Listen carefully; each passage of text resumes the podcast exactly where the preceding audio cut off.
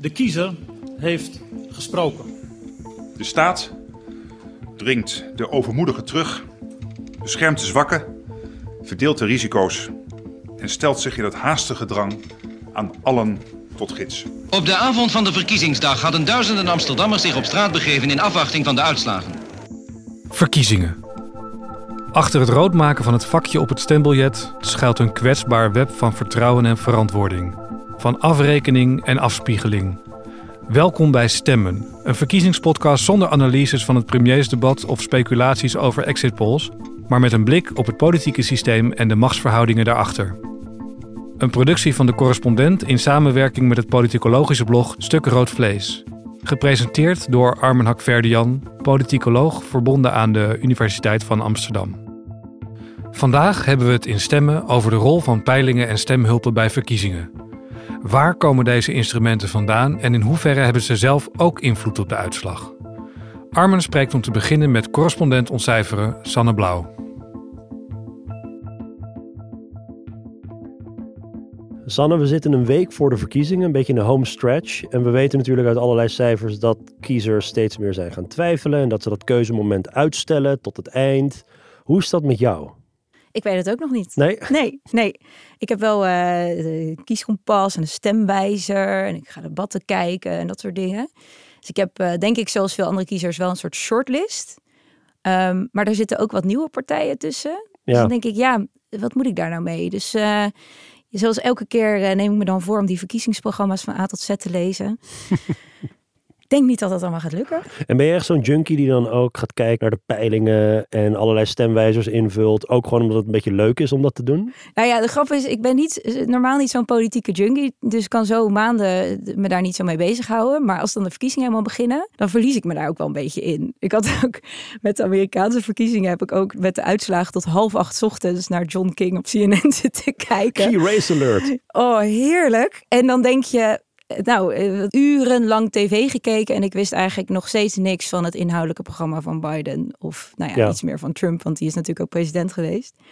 Maar dat is dan wel het gevaar natuurlijk, dat je heel erg kan verliezen in het spelletje en vervolgens weet je nog niks over de inhoud.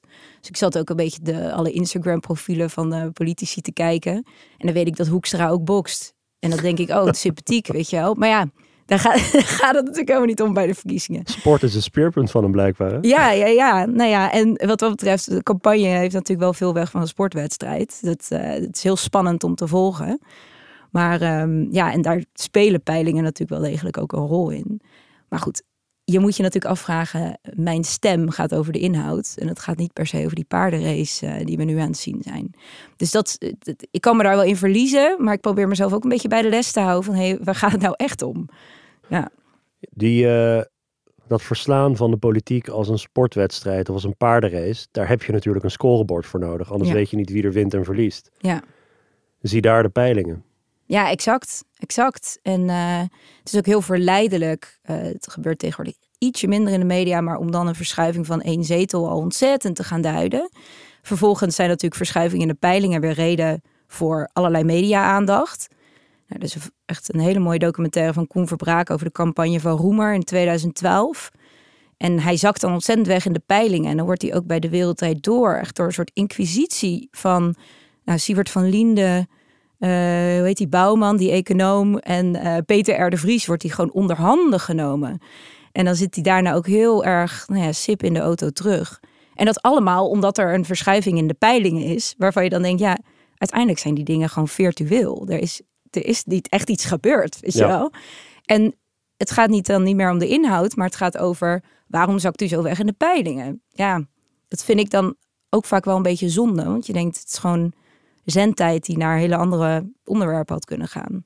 Ja, een van jouw passies is natuurlijk een beetje dat, eh, dat ontcijferen. Hè? Om, om die, die kracht die cijfers hebben in ons leven. Waar je naar kijkt, of het nou een corona-dashboard is, of naar eh, ramingen van het CPB. Of ik bedoel, cijfers hebben een bepaalde kracht, omdat die een soort sausje van objectiviteit en precisie hebben. En dat hebben peilingen natuurlijk ook. Dat hebben die adviezen van die, van die kieswijzers ook. Ehm, waarom spelen die cijfers nou zo'n grote rol in ons leven? Nou ja, eh, wat je al zegt, cijfers lijken heel objectief. En dat is heel verleidelijk, want dat geeft natuurlijk houvast. Dan denk je, kijk, dit is de waarheid. Maar nou ja, waar ik een beetje voor pleit al jaren, is, is achter elk cijfer zit een mens. Er zitten, alle cijfers zijn mensenwerk.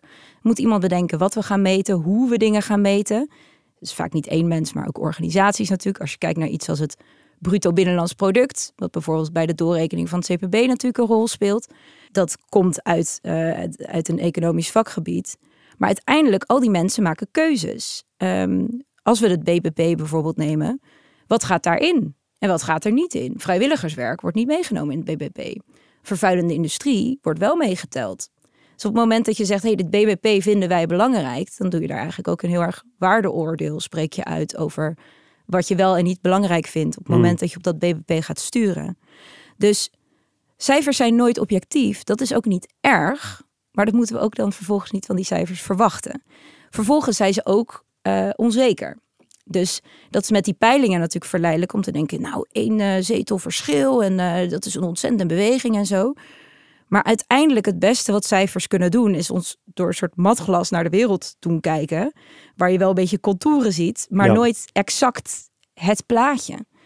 Um, dus Mensen vinden het heel moeilijk om om te gaan met onzekerheid. Ja, absoluut. En nou ja, in het afgelopen jaar hebben we dat meer dan ooit natuurlijk meegemaakt. We zijn heel erg gewend aan een hele maakbare wereld waarin we alles precies weten. En als we maar hard genoeg ons best doen, hebben we alles in, in de vingers en kunnen we alles, uh, hebben we op alles invloed. Maar ja, zo werkt de wereld gewoon niet. Als het CPB met doorrekeningen komt, zit daar ook heel veel onzekerheid omheen. Want dat gaat over tien jaar. Nou goed, we hebben ook met corona weer gemerkt hoe modellen, hoe onzeker die kunnen zijn. Wisten we maar zeker waar het naartoe ging, ja, dan was het ook veel makkelijker om beleid te maken. En onzekerheid, dat is gewoon heel lastig. En tegelijkertijd is onzekerheid, nou ja, in ieder geval van de wetenschap, de kern. Want zolang je blijft twijfelen, zolang je erkent dat er dingen zijn die je niet weet, ga je ook door met zoeken en ontwikkel je ook kennis. Dus onzekerheid is heel belangrijk en we moeten niet ontkennen dat, ja, dat, dat er gewoon heel veel is dat we niet weten, dat de wereld lastig is te voorspellen. Maar ja, dat is taai. En uh, zeker in coronatijd merk je dat, dat die onzekerheid heel lastig is. Waar komt bijvoorbeeld die onzekerheid vandaan als je kijkt naar uh, uh, bijvoorbeeld iets als zetelpeilingen of, mm -hmm. of, opiniepeilingen? Nou ja, dat begint al ermee dat je een steekproef gebruikt. Je vraagt niet alle Nederlanders of alle Nederlanders die mogen stemmen wat ze gaan stemmen. Je, je kiest een kleinere groep. Nou, daar kan al toevallig een PVV'er extra tussen zitten of juist een P van de A extra, wat dan ook. Dus de onzekerheid zit hem al in de methode zelf. Dat je een steekproef gebruikt. Dus dat je altijd een afspiegeling probeert te krijgen van de hele bevolking. Maar die is nooit helemaal perfect. Nee. Dus dat is een onzekerheid. Een andere onzekerheid is, hoe stel je dan vervolgens de vragen? Je kan een open vraag stellen, je kan suggesties geven. Um, als je het slecht doet, kan je heel erg pushen. Van, vindt u PVV ook niet een fantastische partij? Of uh, vindt u ook niet dat Jesse Klaver zo'n ontzettend leuke lijsttrekker is? Nou ja, een goede pijler stelt natuurlijk niet van die suggestieve vragen, maar zelfs neutrale vragen kunnen al op verschillende manieren invloed uitoefenen. Bijvoorbeeld, wat ik zei, door een open vraag te stellen of meer keuze uh, antwoorden te geven. Dus daar zit het in. Vervolgens gaan pijlers vaak nog een beetje wegen. Dus dan zeggen ze, nou, we hebben wel uh, een beetje te weinig vrouwen of uh, een beetje te weinig uit die regio. Dus ga je dat wegen. Maar ja, er zitten dus allerlei keuzes in eigenlijk in dat model. Dat je vervolgens op een antwoord uitkomt, terwijl een andere pijler misschien op iets heel anders uit zou komen.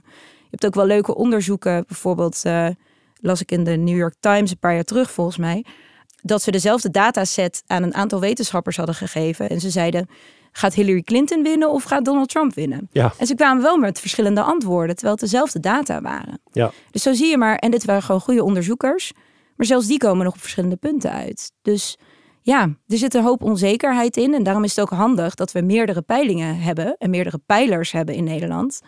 Uh, en dat iemand als Tom Lauwersen die vervolgens bijeenveegt in een peilingwijzer, zodat we het ook weer gemakkelijk snel in een overzichtje kunnen zien wat die pijlers dan zeggen.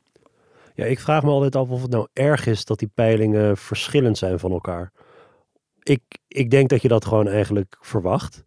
Um, als jij aan mij een vraag zou stellen van ga dit eens onderzoeken en je vraagt dat aan Tom Lauwers aan Tom van der Meer en Sarah de Lange en een aantal andere politicologen. Gewoon doe onafhankelijk van elkaar onderzoek naar de relatie tussen bijvoorbeeld opleiding en stemgedrag. En hier is de dataset die je moet gebruiken. Ik denk dat we allemaal net iets andere antwoorden zouden krijgen. Dat denk ik ook.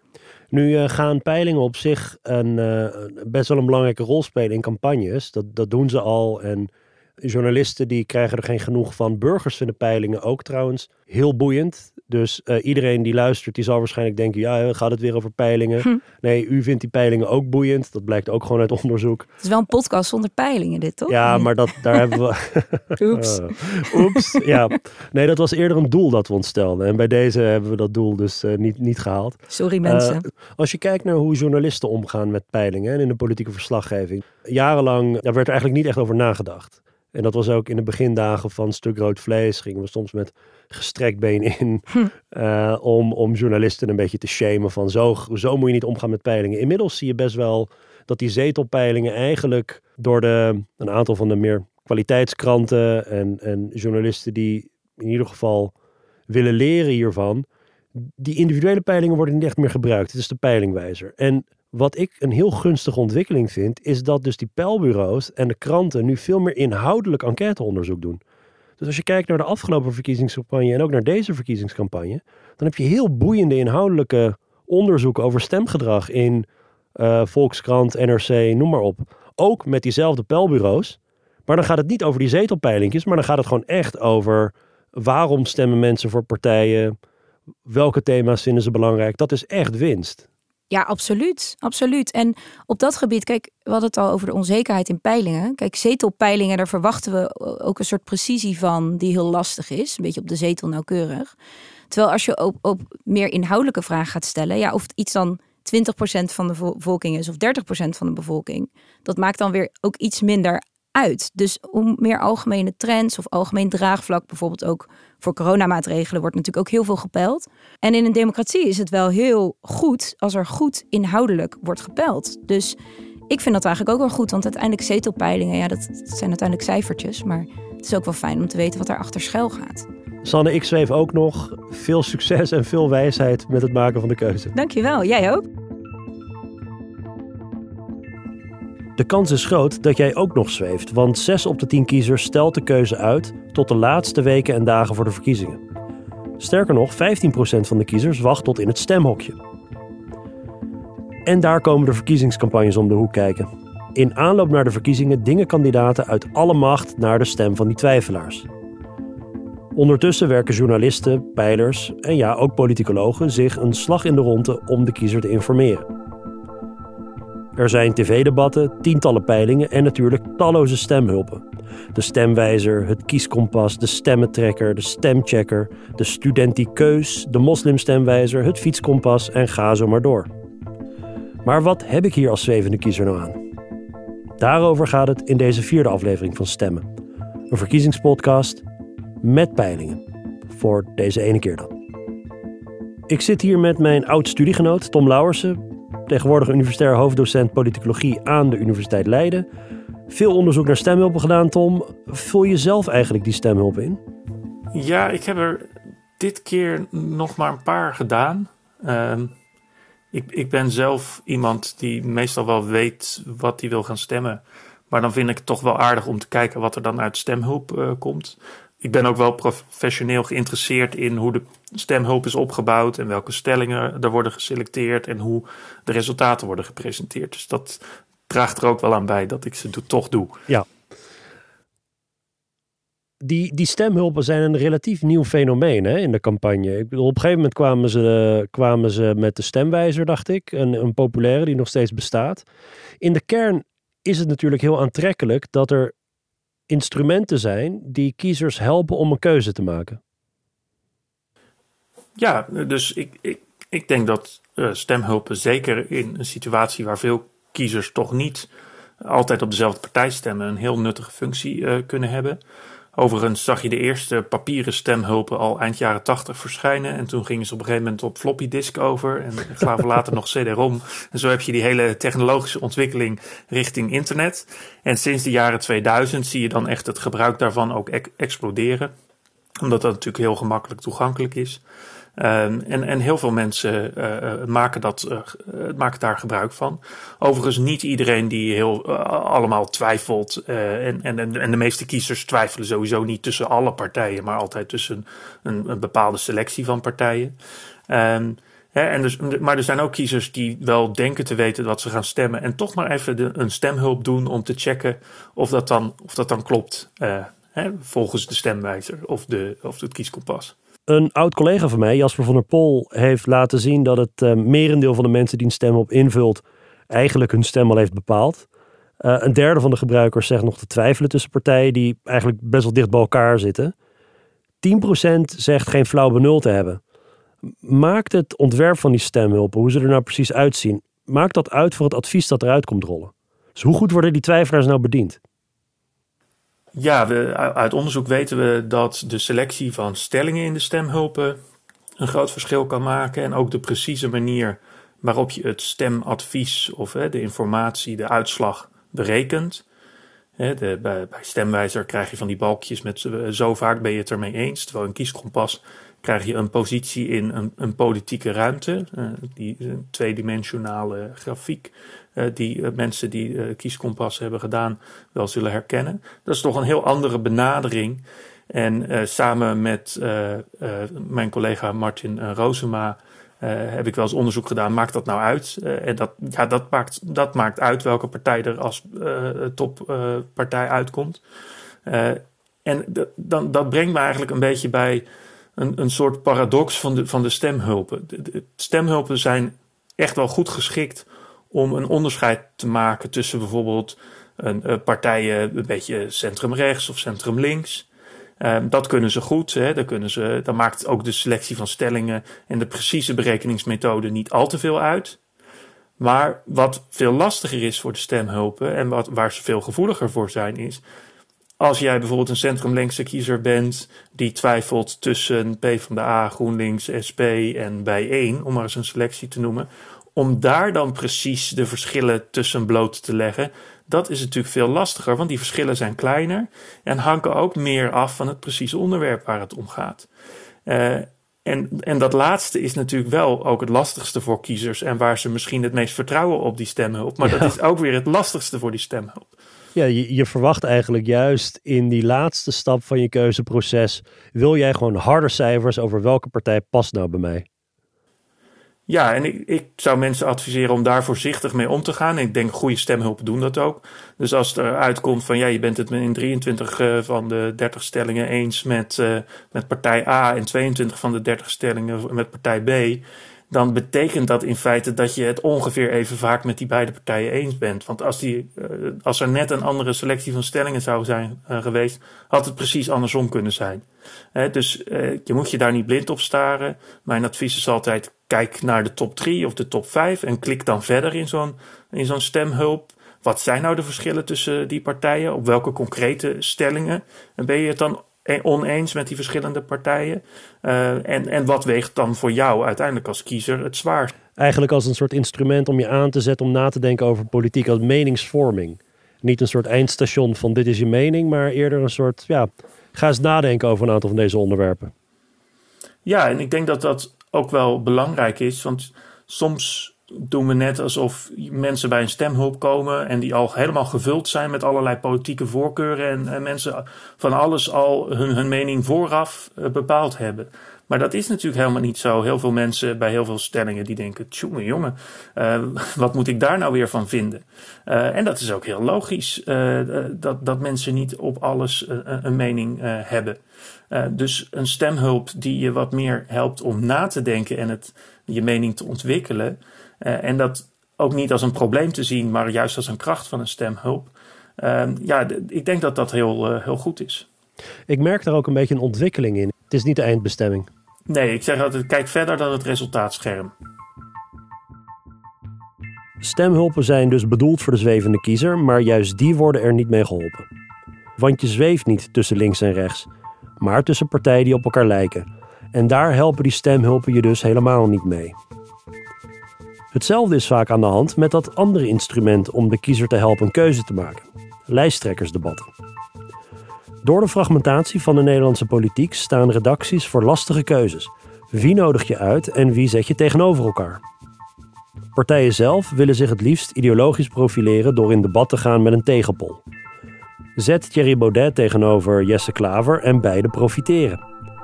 Zet Sigrid Kaag tegenover een boer of Geert Wilders tegenover een Marokkaanse Nederlandse, zoals bij het RTL-debat van afgelopen week, en het wordt lekker duidelijk waar de partij voor staat. Misschien wordt het ook nog een trending topic op Twitter of komt het later ter sprake in de talkshows. Maar wat heeft de zwevende kiezer hier nou aan? Wie alles weet over campagnes en debatten is Annemarie Walter, senior onderzoeker bij het lectoraat Weerbare Democratie van de Hogeschool Saxion en verbonden aan de Universiteit van Nottingham. Annemarie, Nederland heeft eigenlijk een heel rijke debattraditie, hè?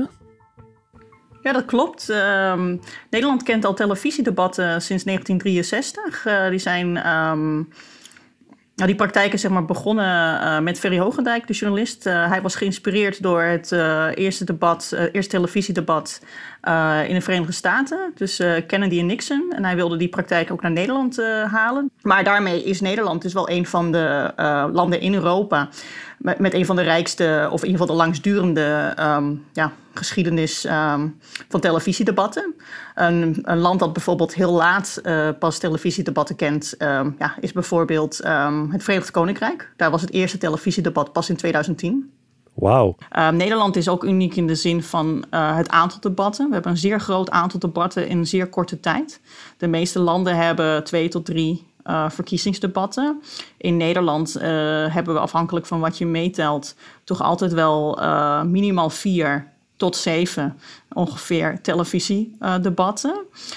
Verder is, de, is in Nederland, als we het hebben over format, wat ook wel anders is, is dat in Nederland hebben we een weinig gereguleerd um, televisiedebat. In de zin dat er zijn weinig regels. En waarom zijn we ooit begonnen met die debatten? Dus wat is precies het doel om die lijsttrekkers met elkaar en dus steeds vaker met uh, de gespreksleider in, in debat te zien gaan? Nou, waarom we ermee zijn begonnen, dat is echt een interesse van, van Ferry Hogendijk. Hij had dat in de Verenigde Staten gezien en dat wilde hij ook wel. En televisiedebatten um, ja, worden uh, als belangrijk gezien tijdens uh, campagnes, omdat het een moment is tijdens de campagne waarbij de kiezer de verschillende politieke partijen heel goed met elkaar kan vergelijken, omdat ze naast elkaar worden gezet. Hebben debatten een effect op het stemgedrag van mensen? Heel weinig. En dat wordt overschat over het algemeen. Maar goed, je ziet bijvoorbeeld wel na, dat, na debatten dat sommige kandidaten of lijsttrekkers die worden uh, ja, positiever gezien. Of mensen hebben meer vertrouwen in ze. Of, of negatiever als ze niet goed hebben gepresteerd. En dat kan in theorie natuurlijk bijdragen um, ja, aan uh, ja, hoe je die, die lijsttrekker evalueert. En dan uiteindelijk aan stemgedrag. Maar, maar in het algemeen uh, worden er, zijn de effecten die worden gevonden ja, zeer klein tot minimaal een debat kan wel een soort uh, vliegwieleffect hebben op de, op de berichtgeving. En ja. dat daardoor dus uh, er bepaalde beelden gaan ontstaan in de media op basis van een debat. Een slip of the tongue of een imago van iemand als een draaikont. Dus misschien hebben ze wel een indirect effect. Ja, dat is wel zo. Dus ik sprak net over het directe effect. Dus gewoon uh, ja, de mensen die naar het debat zelf kijken. Meeste debatten worden maar ongeveer tot ja, anderhalf miljoen mensen of zo gekeken. Heel af en toe heb je uitschieters. Uh, bijvoorbeeld het laatste slotdebat in 2017 is door 3,3 miljoen uh, kijkers bekeken. Uh, maar goed, een groot gedeelte van het Nederlandse electoraat ziet het debat dus niet. En die nemen kennis van het debat via ja, conversaties, gesprekken met vrienden, familie en dus via de media. Maar goed, als je het hebt over stemgedrag er wordt in ieder geval in de wetenschap wordt, worden, zijn de effecten ook van mediaberichtgeving uh, over dat debat op het stemgedrag, zijn dat relatief kleine effecten. Uh, wat niet wil zeggen dat debatten er niet toe doen. Want er zijn ook andere effecten die debatten kunnen hebben. Met name zeg maar, soort kenniseffecten of uh, bekendheidseffecten. Want debatten hebben bijvoorbeeld een groter effect op um, als je bepaalde lijsttrekkers bijvoorbeeld niet kent. Dus in die zin informeren debatten wel. Dus, als, dus blijkbaar als je voor en na een debat kijkt, dan hebben mensen meer kennis over de standpunten van partijen. Wat me niet uh, gering lijkt. Mensen hebben na het debat meer kennis van de standpunten van partijen. Ze voelen zich ook zekerder over hun eigen kennis. Uh, wel is het zo dat uh, ja, kenniseffecten op basis van één gebeurtenis, dat als je dan weer later meet, dat dat ook dan wel weer afneemt. Ze vergeten het Dus weer. het zijn, niet, het zijn niet altijd blijvende effecten, zeg maar. Hmm. Maar ja. het vertrouwen in hun eigen kennis, dat is wel iets wat, wat heel, ja, relatief sterk blijft. Mensen denken vooral ook meer te weten. Ja.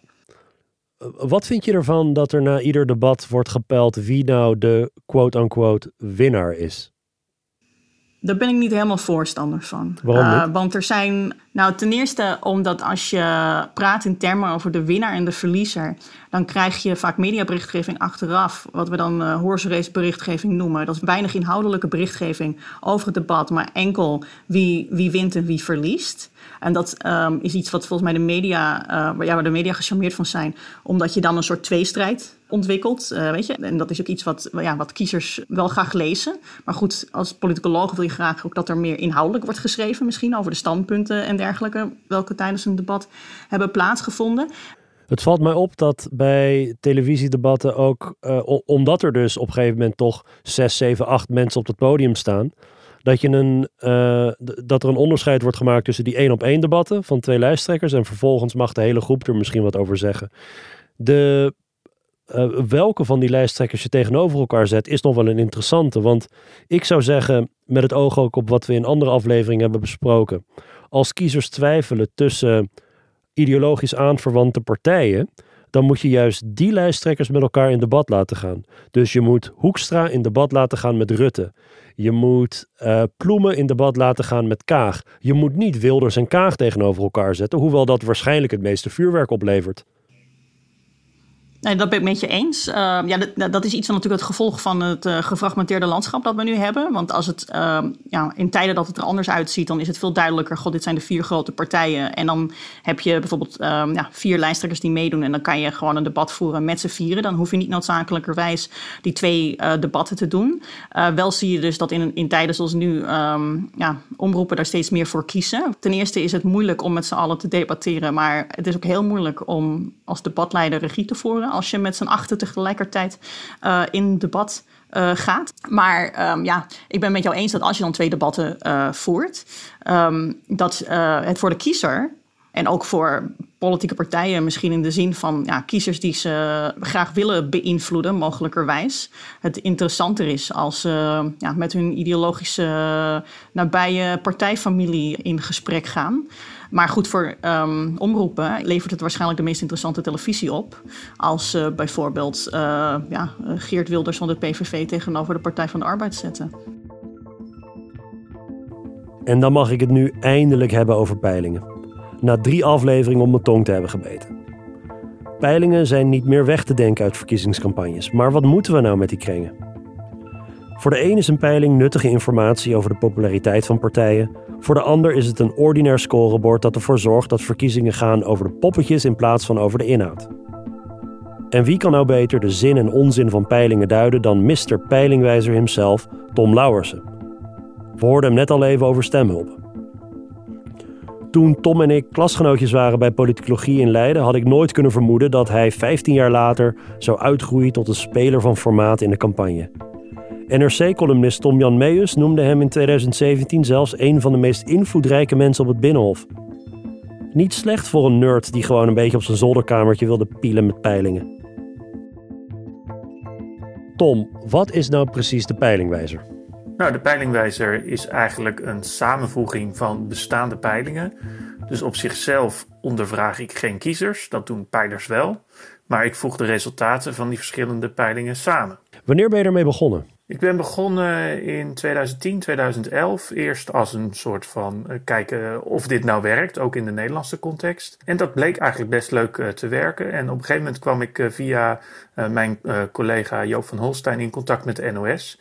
En toen hebben ze dat vanaf de campagne van 2012 ook op de NOS-site gepubliceerd. En toen kreeg het natuurlijk veel meer aandacht dat lijkt me bijzonder. Dat je dan begint met zo'n hobbyprojectje. Je bent gewoon een nerd die met data aan het spelen is. En op een gegeven moment krijgt het de aandacht van de NOS. Van daaruit gaat het ook een eigen leven leiden. En wordt het ineens gebruikt ook bijvoorbeeld door RTL en de NOS om lijsttrekkers uit te nodigen voor debatten of niet. Ineens wordt de peilingwijzer een soort beslisinstrument voor journalisten. Wat, wat vind je daarvan? Ja, nou in 2012 was dat nog niet gelijk. En toen was het vooral de NOS die dat uh, bracht. Dat was dus nog redelijk beperkt. Maar ook misschien enigszins tot mijn verbazing nam dat wel een vlucht. Hè, dat steeds meer media in de aanloop naar de verkiezingen van 2017 zei...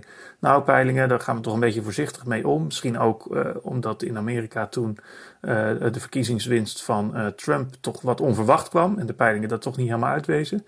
Dan zeiden ze, nou, de peilingwijzer, dat, dat, dat gebruiken wij als instrument. En, en ook voor de selectie van, uh, van debatten. Ja, je kunt je natuurlijk afvragen in hoeverre die, die virtuele zetelaantallen een criterium moeten zijn voor, uh, voor die uitnodigingen. Maar ik snap wel dat journalisten dat meenemen om ook nieuwe partijen een kans te geven. Als je alleen maar zou zeggen, we, we, nodigen de bestaande partijen in de Kamer uit, kun je zeggen, ja, je houdt de deur wel erg dicht voor nieuwe partijen. Dus op deze manier geef je ze eigenlijk ook een, een, een kans om, om mee te praten. Maar ja, dat, plaatst mij als, als maker van zo'n peilingwijzer soms in een wat lastig parket. En dat was met name toen bij het uh, RTL-debat. want die wilde toen graag de vier grootste partijen uitnodigen. Ja. En eigenlijk kon je dat niet zeggen op basis van die peilingwijzer. Want er, er zit een foutmarge omheen, een onzekerheidsmarge. En ik zei, ja, we kunnen wel zeggen, dit zijn de vijf grootste. Maar de vier grootste, ja, het is eigenlijk ex equo op die vierde plek. Daar was dus wat heen en weer getouwtrekken over. Maar dat, RTL ging daar wel in mee. Maar toen hadden zij weer ruzie met de twee grootste partijen. die toen niet meer mee wilden doen aan hun, uh, hun debat.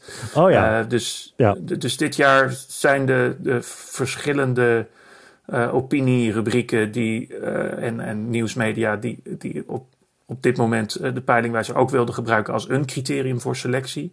Overigens niet uitsluitend, meestal in combinatie met zetelsaantallen die, die heb ik wel op het hart gedrukt. Uh, communiceer ook duidelijk van tevoren met partijen over die onzekerheid in de peilingwijzer. En gelukkig deed het er nu niet toe. Dus dan heb je ook minder gedoe. Hè? Want nu, uh, als je de grootste acht wilde selecteren, dan was het gewoon duidelijk welke, welke dat waren. Uh, en dat, dat werd het meest gedaan. Dus dat leidde in dit geval niet tot andere keuzes. Wat ik wel bijzonder vind, is dat je natuurlijk die peilingwijzer hebt opgezet, omdat je die onzekerheid rondom peilingen die wilde je eigenlijk uh, weergeven. En niet, niet erom weg te lopen, maar dat was juist een, de kern, is er is onzekerheid. En dan zie je toch dat mensen daar niet zo heel goed mee kunnen omgaan, dat ze zelfs de peilingwijzer gebruiken om te kijken wat nou, welke partijen nou net een zeteltje groter zijn dan de andere of niet, omdat ze bijvoorbeeld beperkt plek hebben op zo'n podium voor een debat. Dan gebruik je dus de peilingwijzer precies waarvoor die niet bedoeld is. Nou ja, uiteindelijk is een peiling alleen maar een instrument om iets te leren over alle uh, uh, uh, kiezers. Je, je, doet alleen maar een peiling onder een paar duizend mensen, omdat je daarmee iets over een bredere groep kunt zeggen. Dus daarom moet je wel met die foutmarges rekening houden. Dus bij de NOS, die schrijft ook altijd, ja, de VVD die staat nu tussen de 38 en de 42 zetels. En, en op die manier, door niet te zeggen 40 zetels en dan ergens onderaan het bericht, oh ja, er zit ook nog foutmarge aan, maar echt duidelijk te zeggen het zijn er 38 tot 42. En ik denk dat op die manier je het eigenlijk wel makkelijker maakt om ook op een betere manier met peilingen om te gaan. Maar ja, je kunt natuurlijk nooit helemaal voorkomen uh, dat mensen dat toch willen gebruiken eh, voor een, een, een doel waar het eigenlijk niet zo geschikt voor is. Even een laagje eronder. Hè? Dus de peilingwijzer is bedoeld om de informatie uit verschillende peilingen samen te brengen om een beeld te geven van de bredere krachtsverhoudingen en de trends. Waarom lopen peilingen uiteen? Nou, peilingen lopen allereerst uiteen omdat eh, peilingen gebaseerd zijn op steekproeven en je dus willekeurig net wat hoger of lager kan zitten dan het werkelijke steun voor een partij onder de gehele bevolking. Daar kunnen peilers ook niks aan doen, dat is gewoon inherent aan het proces. Dus die kleine verschuivingjes binnen een peiling eh, van één of misschien twee zetels, daar moet je nooit te veel uh, in lezen. Dat is één les. Maar een tweede, en dat is misschien nog wel belangrijker, is dat er ook op structurele basis verschillen tussen pijlers zitten. sommige pijlers hebben bepaalde partijen altijd hoger of lager dan andere pijlers. Kun je daar een voorbeeld van geven? Nou, recent zien we bijvoorbeeld bij de VVD dat de drie pijlers die in de peilingwijzer zitten, INO, Kantar en Ipsos, de VVD eigenlijk constant toch wel een stuk hoger hebben dan uh, Maurice de Hond. en dat scheelt dan, een, nu denk ik, een zetel of uh, zes ruwweg.